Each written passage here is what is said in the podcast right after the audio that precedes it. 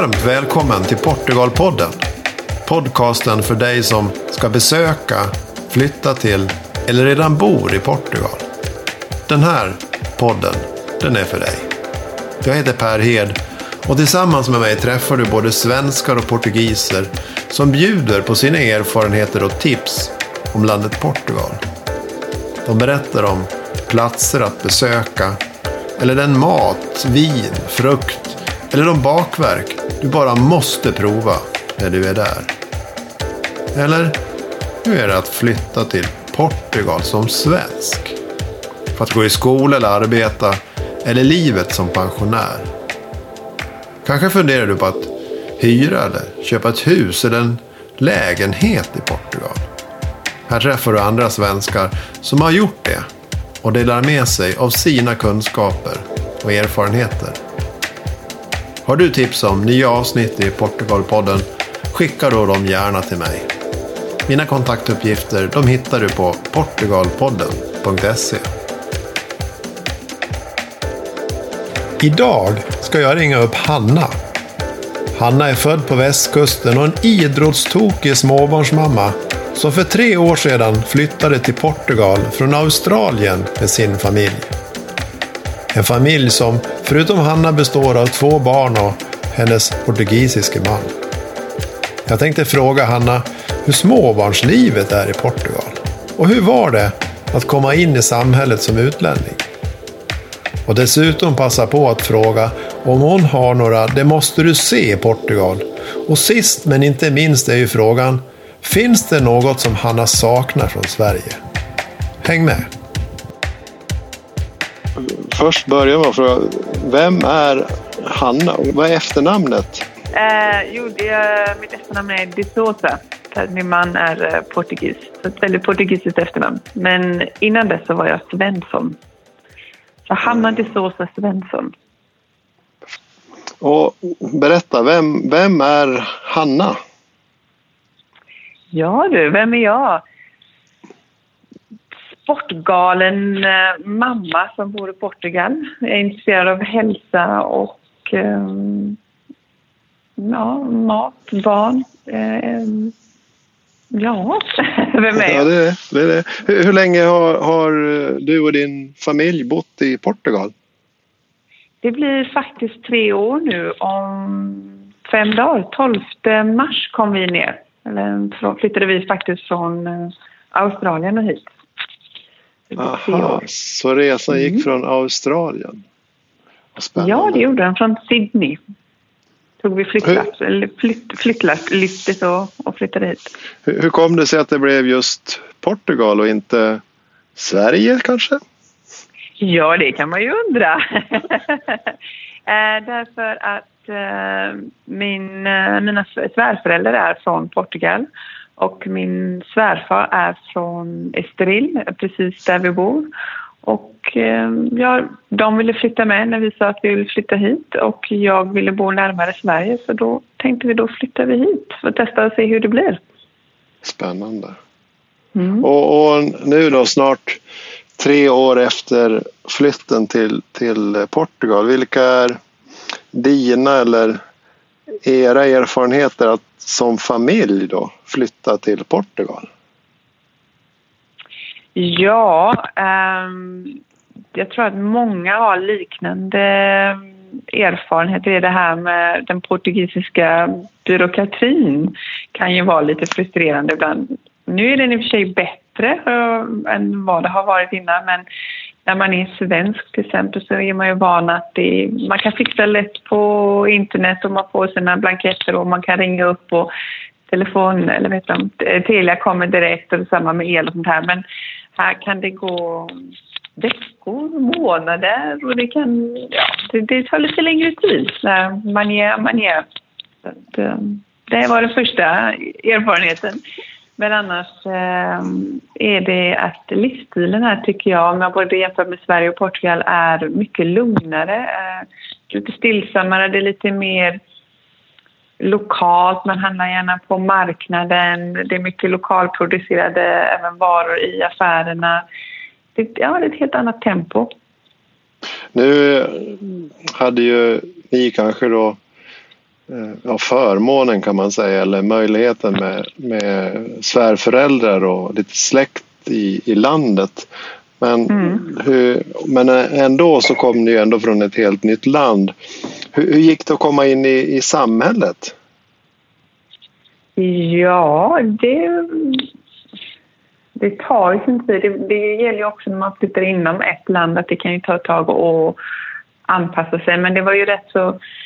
Fördelen var att min man pratar portugisiska eh, och att här, många här förstår engelska. Men det, det, det tar ju ändå en liten tid. Eh, jag började jobba direkt på Svenska skolan så jag tror jag tyvärr inte integrerar mig lika snabbt kanske som min man gjorde.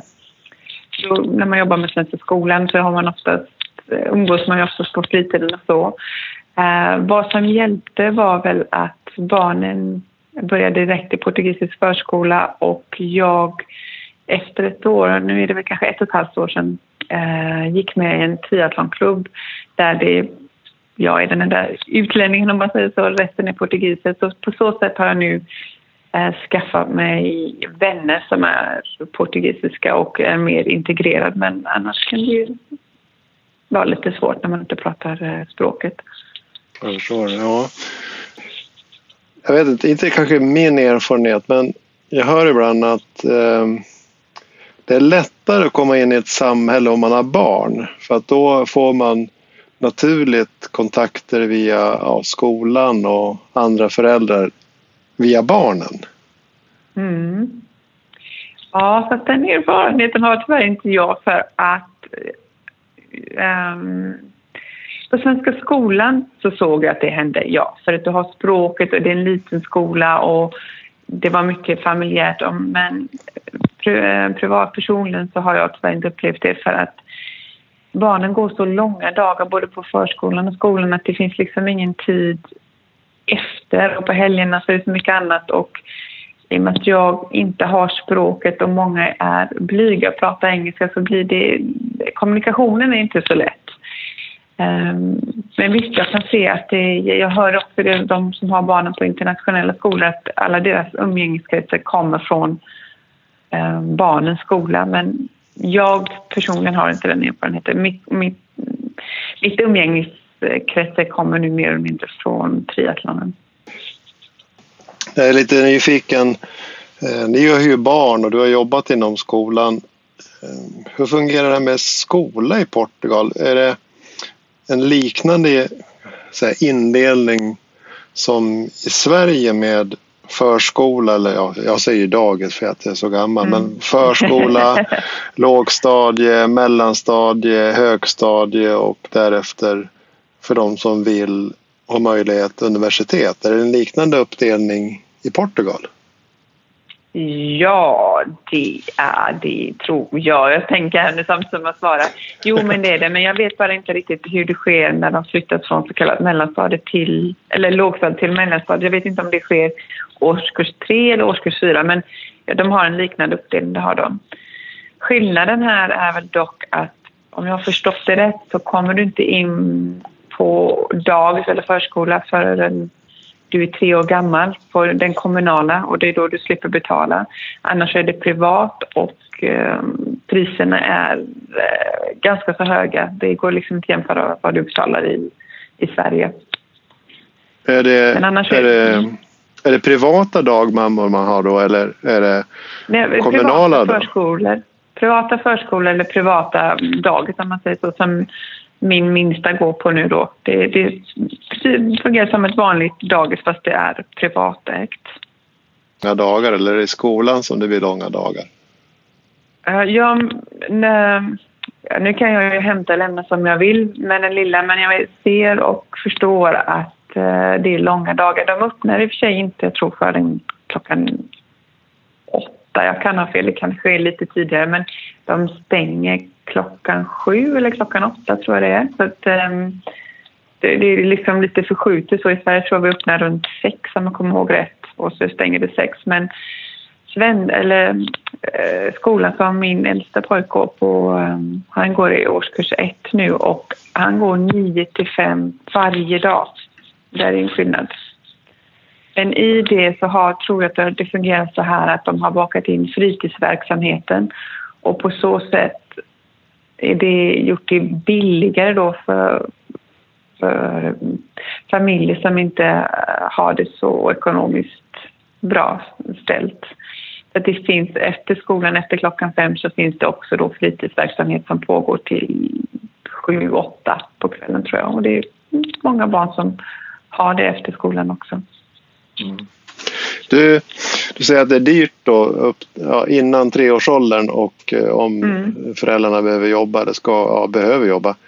Eh, då, då har man en privat eh, förskola och det kostar ungefär, vad, vad handlar det om i pengar? Det beror lite på vad det är men nu betalar jag för ett barn det varierar alltid, så åker de iväg så måste man betala extra sånt där. Men mat inkluderat så är det ungefär 430 euro i månaden. Och då måste du betala för 13 månader men du kan bara ha ditt barn där 12 månader. Så du betalar alltså för personalens semester om man säger så. Så det blir lite några kronor om året. Det blir några kronor och eh, mm. jag inser ju när eh, jag jämför med min, min bror eh, bor i Norge, Oslo.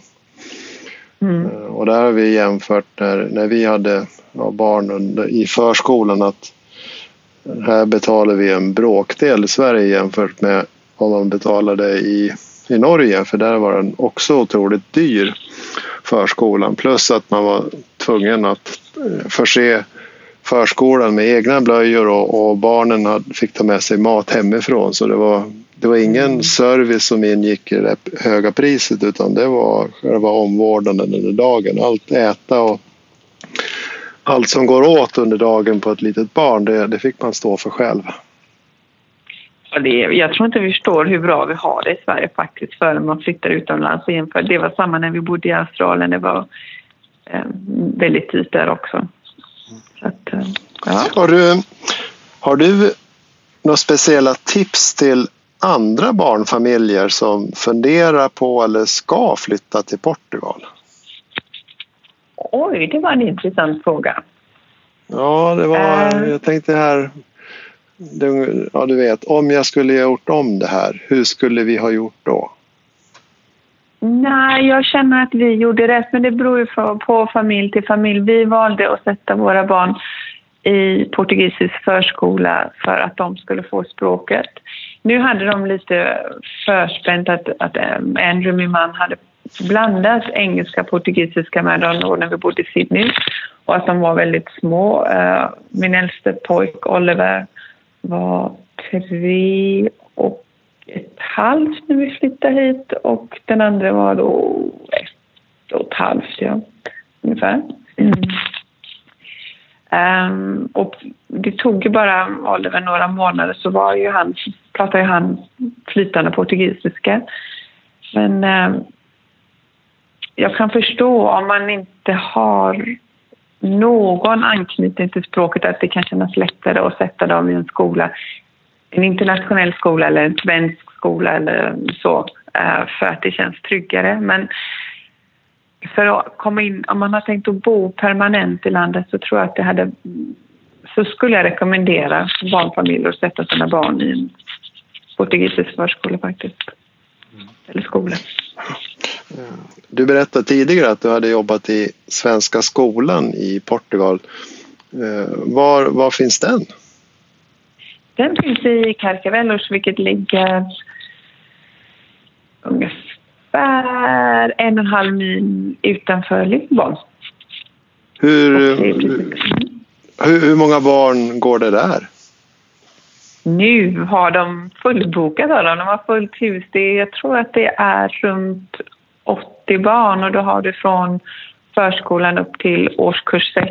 Och sen har du också möjligheten att sitta och jobba med någonting som heter så att säga, distans som är högstadiet då. Så du läser, du sitter i Svenska skolan och läser men dina lärare sitter i Stockholm faktiskt. Och det var det jag jobbade med när jag jobbade där. Spännande upplägg. Mm, jättekul faktiskt. Ja. Men då, då har du ju, ja, du börjar jobba direkt då, vad jag förstår i, i Portugal. Hur, nu kanske det är speciellt med just Svenska skolan men hur, vad är dina erfarenheter av att komma in i arbetslivet?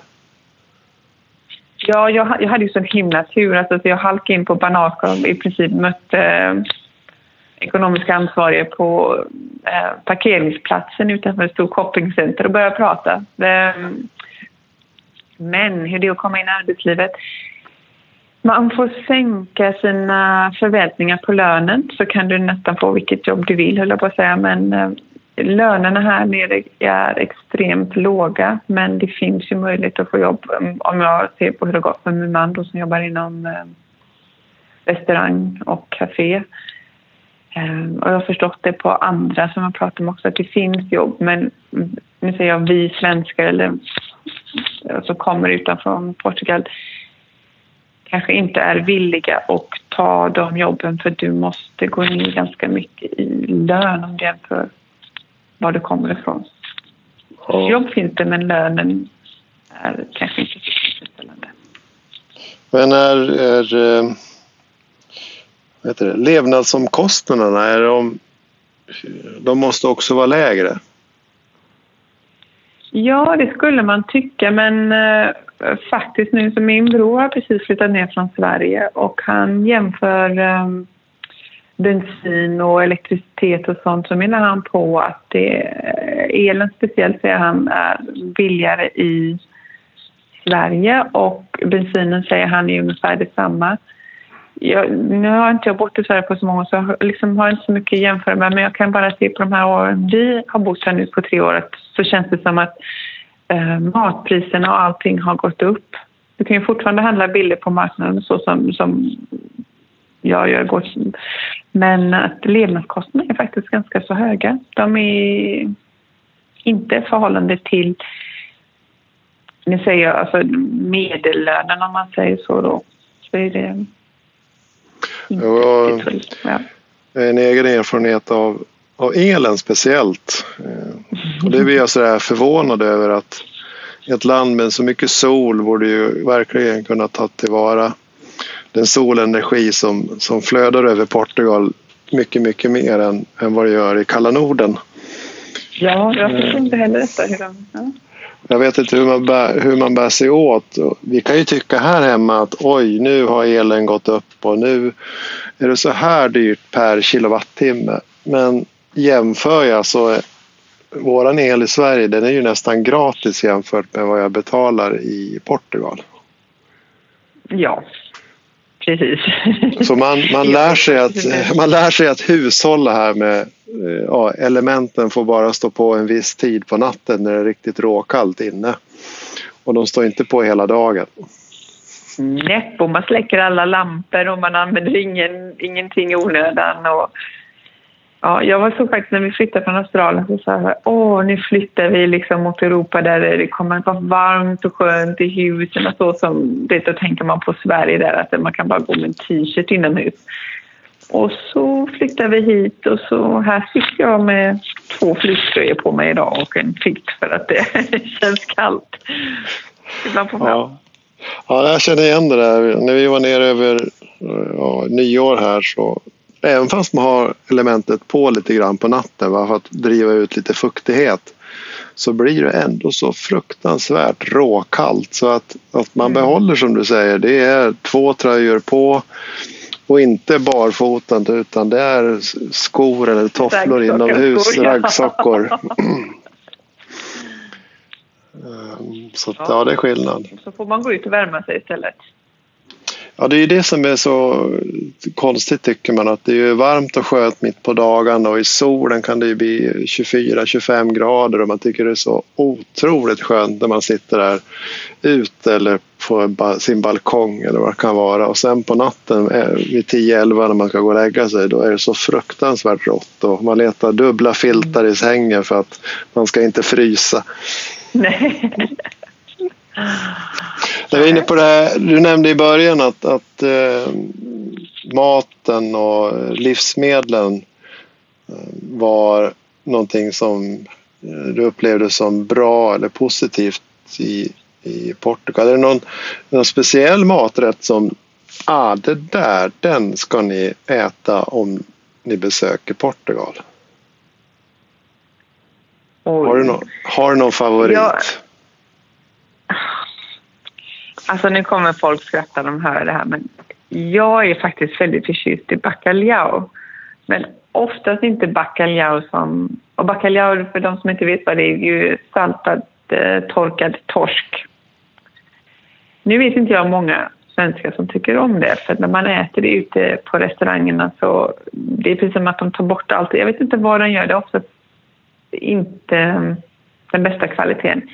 Men min, när min svärmor gör det så är det, man finns flera olika rätter. Man kan göra grillad och man kan göra i såna här eh, frites och det, jag tror det finns över tusen olika recept. Men det är faktiskt min så, favorit eh, när det gäller portugisisk eh, kusin. Men annars är råvarorna här otroligt bra. Alltså frukten, grönsakerna. Um, till och med, jag äter inte mycket mjölkprodukter men alltså även mjölkprodukterna. Allting känns väldigt äh, färskt och gott, bra.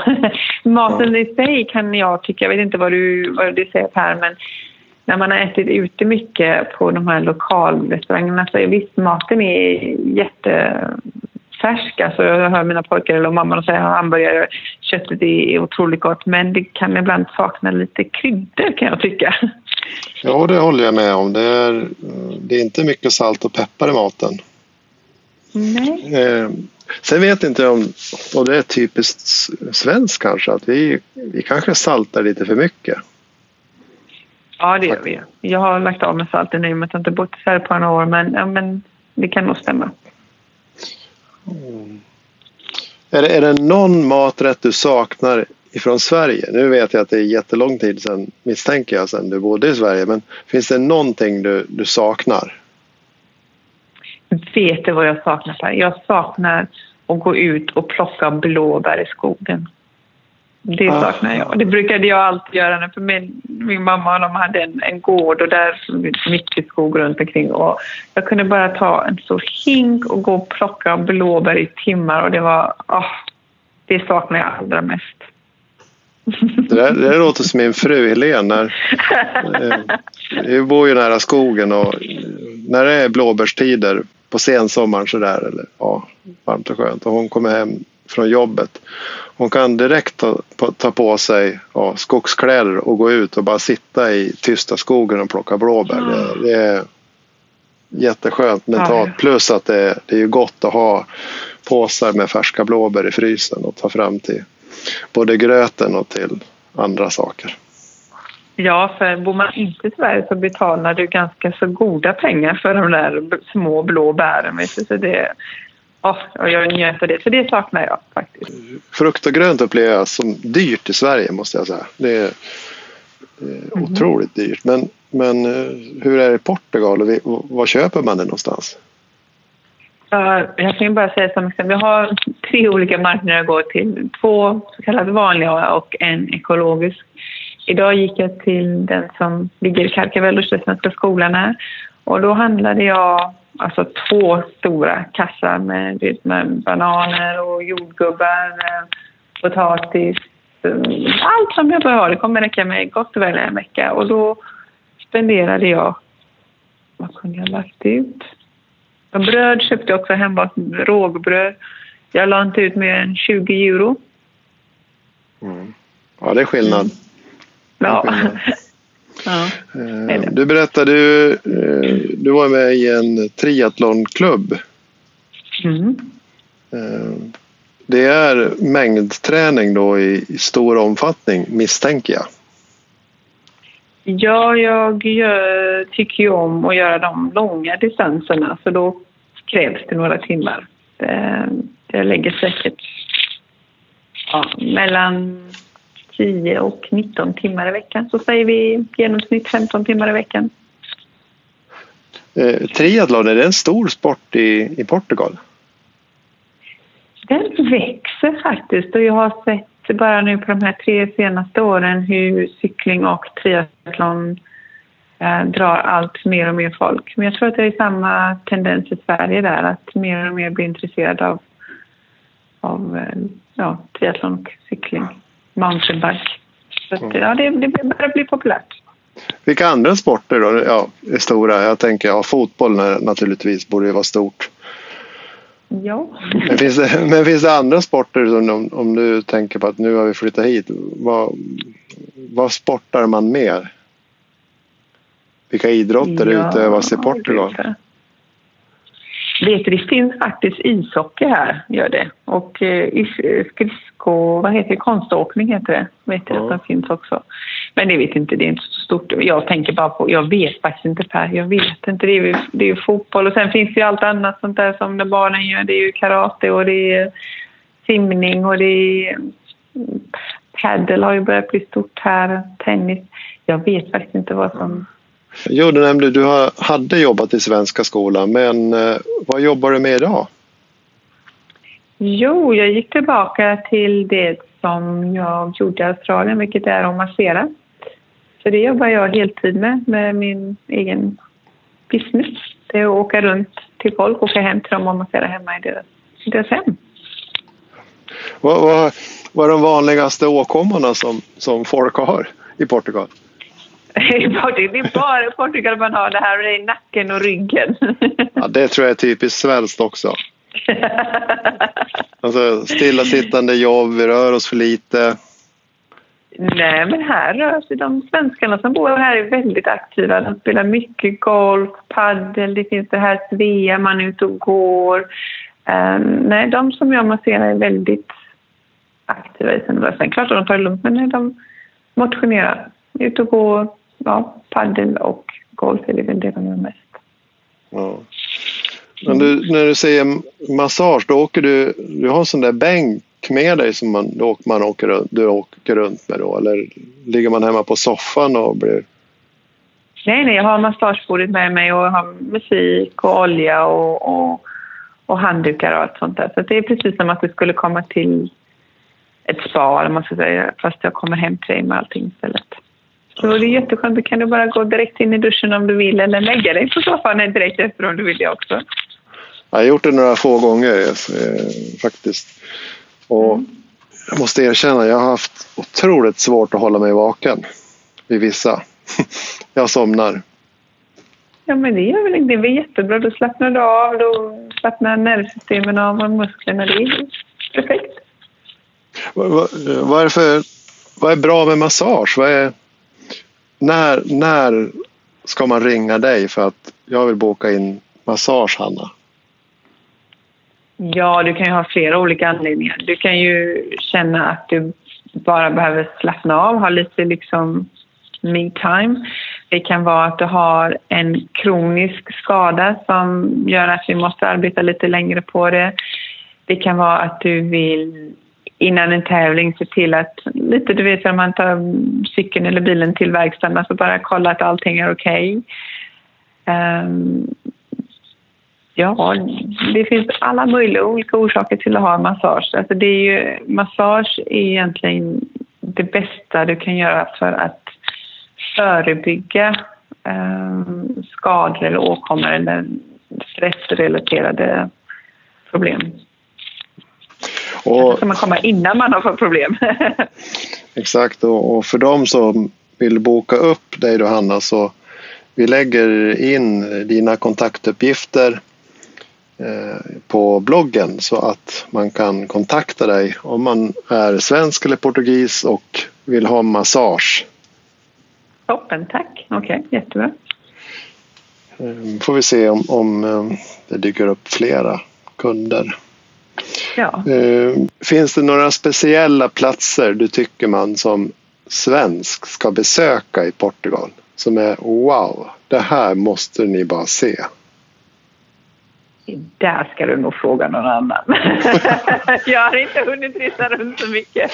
jag tänkte på, eftersom du cyklar så mycket så, så måste du se mycket då från vägkanten i, ja, för oss andra hög hastighet men, men jämfört med att åka bil kanske en lägre hastighet. Så då brukar man upptäcka mycket. Som... Ja, men något som är vackert, jag älskar ju cykla, om man nu pratar runt här där jag bor, är ju Sintra, Colares och följa hela vägen från Cascais mer eller mindre direkt vid vattnet men följer vattnet hela vägen till där du bor här i Ericeras. Det är faktiskt jättehäftigt. Eller att ta färjan från Lissabon över, över bron om man säger så. Och sen cykla genom ett område som heter Arabida och då är man uppe på en höjd och tittar rätt ner och det är det här alldeles för här turkosfärgat eh, vatten. Det är otroligt vackert. Och då, det, Arabida är hela stället och så finns det något som heter Troja och Simbra som är jättemysiga små ställen att besöka faktiskt. nu kom jag på en, en fråga. Du, du cyklar ju mycket i, i Portugal. Min erfarenhet av den portugisiska trafiken den är ju att den är ganska hetsig. Och mm. Jag har ju tänkt tanken många gånger att här skulle jag vilja cykla för att det är vackert eller det här skulle vara en bra träningsrunda eller här skulle jag kunna cykla för att ta mig dit för att se vad det är för någonting. Men, men trafiken och, och vägarna gör att åh, jag bävar lite. Ju, man får cykla med hockeyskydd och hjälm minst ifall det skulle hända något. Men, men du cyklar ju flera, flera mil i veckan. Vad är dina erfarenheter? Ja, hjälm rekommenderar jag starkt. Jag vet inte riktigt om du behöver hockeyskydd, men hjälm, ja. Eh, ja, och portugiserna kanske inte är kända för att vara några bra bilförare, det kan jag också hålla med om. Men jag tycker ändå att de respekterar cyklisterna. Visst, det kan ibland hända att de kommer lite för nära och lite så, men överlag så, så tycker jag att eh, det känns ganska så säkert att cykla här. Speciellt efter att jag cyklat mycket i Australien när det var väldigt farligt. Men nej, jag känner mig aldrig rädd här. Det gör jag inte. Man kanske inte ska alltid... Det finns ju tider, precis som i Sverige, där man undviker att cykla när det är rusningstrafik vardagar, du vet när alla ska till jobbet eller kommer hem från jobbet. Men annars så, så tycker jag att eh, det är helt okej att cykla. Jag cyklar hellre än att köra bil i Portugal faktiskt, om jag ska vara riktigt ärlig. Spännande. Jag, eh, jag har ju goda vänner här i Sverige som, som eh, ja, cyklar en del landsväg ja, inför Vätternrundan och liknande tävlingar. Och på vissa ställen ja, på helgen när, man är ute, när de är ute på sina långturer så bilisterna är ju inte så snälla alla gånger utan det händer ju både en och två gånger på en långtur att det är någon som spolar spolarvätska på dem när de åker om. Va? Händer det? Det har jag inte varit med om. Nej, det, det, det händer aldrig. Det händer aldrig i Portugal. Det har jag aldrig varit med om. Nej. Jo, det är irriterade svenskar där som, som tycker att, att eh, ja, du vet, en liten smal väg, det finns ingen vägren och så ligger det en klunga då på, ingen aning, 10, 20, 30 cyklister och kör och man kommer inte om och till slut så, så, så brister det liksom. Och när man väl får möjlighet att åka om då är det att spruta spolarvätska och köra vindrutetorkare så det skvätter på alla cyklister. Ah, Okej, okay. får se om jag råkar ut för den här då. Men nej, det har jag inte gjort än så länge. Alltså har det inte hänt än på tre år så det, det är nog inte ett, ett, eh, en handling som, som utövas i, i Portugal. nej, precis. Och vi tar inte med oss den traditionen hit ner heller, tack. Ja, vad skönt att höra. Då är ju bilisterna lite mera förstående för cyklister och att man måste sakta ner och ta det lite lugnt när man ska köra om just cyklister. Generellt sett ja, men annars är de kanske inte så bra bilförare. Men ja, när det kommer till cykling så, så... Men det är ju min erfarenhet. Jag vet inte vad andra känner, men jag, jag tycker faktiskt att eh, de respekterar cyklisterna rätt så bra här. Stort tack eh, för ja. intervjun, Hanna. På återhörande och ta hand om familjen. Tack detsamma. Tack ska du ha. Tack, tack. tack. Hej då.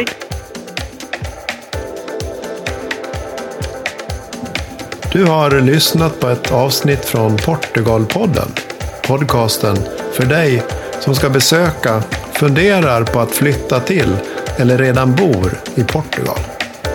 Har du tips på andra intressanta ämnen att ta upp i denna podcast? Skicka dem till mig. Du hittar mina kontaktuppgifter på portugalpodden.se. Tack!